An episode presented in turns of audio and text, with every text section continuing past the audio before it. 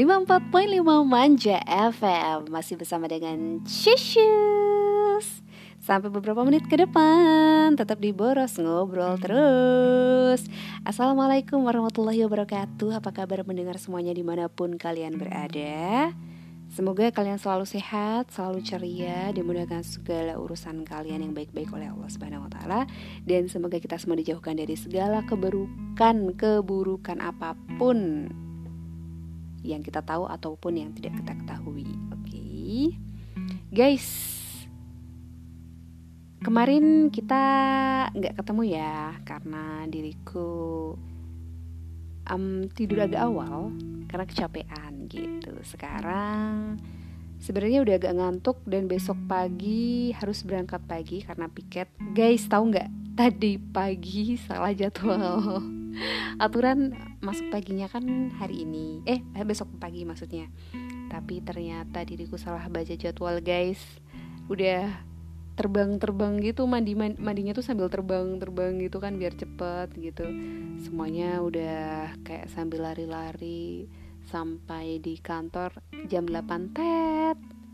Ternyata di depan ada Kak Cindi terus nanya kakak sekarang piket Iya, ya Allah ternyata kakak Cindy Piket dan diriku salah baca jadwal guys.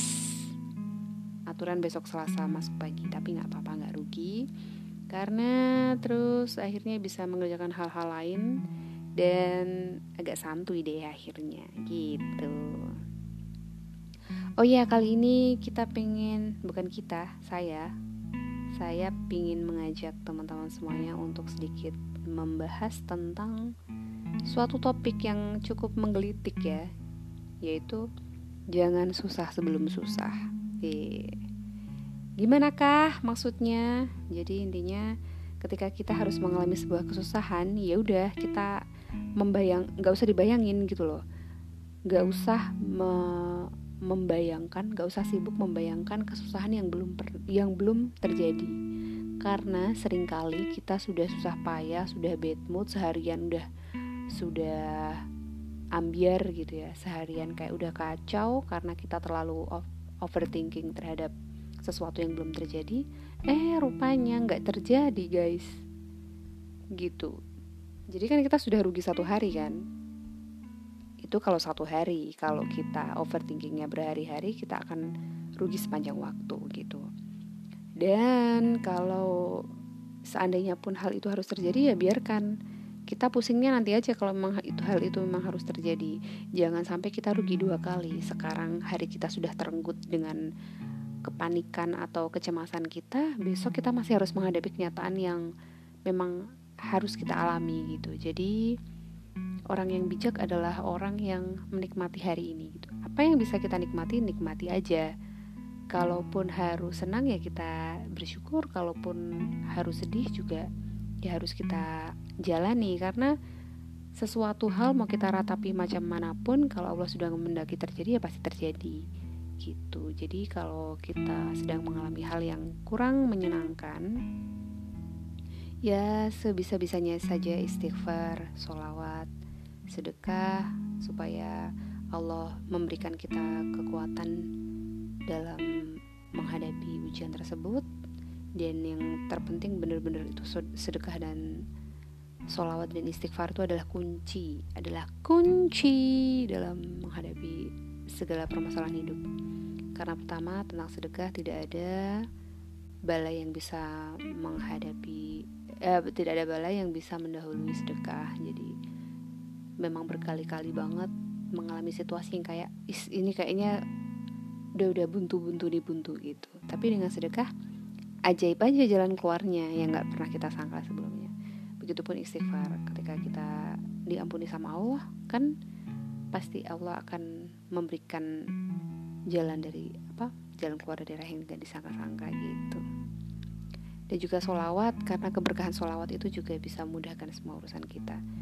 Jadi kalau saya pribadi ketika mengalami sesuatu hal yang sekiranya agak aduh ini bisa nggak ya? Gitu. Saya langsung buru-buru mengambil tiga kunci kunci ajaib itu gitu. Dan alhamdulillah secara ajaib juga Allah langsung berikan jalan keluar yang plus plus plus plus ya gak pernah kita duga gitu. Gitu. Terus intinya jangan susah sebelum susah. Pernah dulu waktu zaman kuliah kami bukan kami saya saya dan kawan berdiskusi namanya Momon. Momon itu cewek ya Monis namanya. Momon Mon ini ada situasi kayak gini Mon. Aku stres banget nih gimana gitu. Terus dia bilang Mbak jangan stres jangan stres dulu karena itu belum tentu terjadi. Kalaupun harus terjadi ya kamu mikirnya nanti aja. Jangan sampai kamu rugi dua kali gitu. Itu sangat membekas banget sampai sekarang kata-kata itu ya kalau memang harus sedih ya nanti aja. Kalau memang hal itu harus terjadi gitu. Dan sering kali kita udah sedih-sedih di sini sekarang tapi ternyata hal itu nggak pernah terjadi gitu loh yang kita takutkan gitu. Dan hal itu kembali teringat ketika tadi lagi ngobrol-ngobrol sama Bu Ina. Kemudian ibu bilang satu kalimat itu jangan susah sebelum susah. Katanya kalimat itu adalah nasihat yang sering diucapkan oleh almarhum suaminya dan selalu beliau ingat sampai sekarang. Dan itu jadi mengingatkan saya terhadap beberapa hal yang sudah saya lampaui dulu gitu. Dan memang betul jangan susah sebelum susah. Itu bener-bener kayak jadi pengingat banget gitu loh. Betapa hati betapa hari-hari kita tuh banyak terenggut terhadap sesuatu yang nggak seharusnya kita cemaskan. Pertama hidup itu semua sudah ada garisnya sudah ada tulisannya. Mau kita jalani dengan takut ya jadinya seperti itu. Mau kita jalani dengan rasa syukur ya jadinya seperti itu. Intinya bagaimana kita menyikapi? Karena ketika kita ditakdirkan untuk mengalami kesusahan akan kita ratapi macam mana pun itu tidak akan pernah bisa merubah takdir gitu kecuali kita bersungguh-sungguh dalam berdoa dan memohon kepada Allah. Gitu.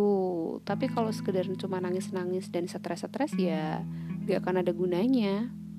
Akan tetap saja kamu harus mengal mengalami hal tersebut gitu. Tapi alangkah baiknya rasa rasa ketakutan itu tuh dialihkan kepada memohon ampun kepada yang maha kuasa agar Allah Subhanahu wa taala ya memberikan kekuatan untuk bisa menghadapi situasi sesulit apa pun karena kan Allah gak akan pernah memberikan ujian di luar batas kemampuan kita gitu hanya hanya saja sering kali kita kurang mengenali potensi yang Allah berikan kepada kita gitu.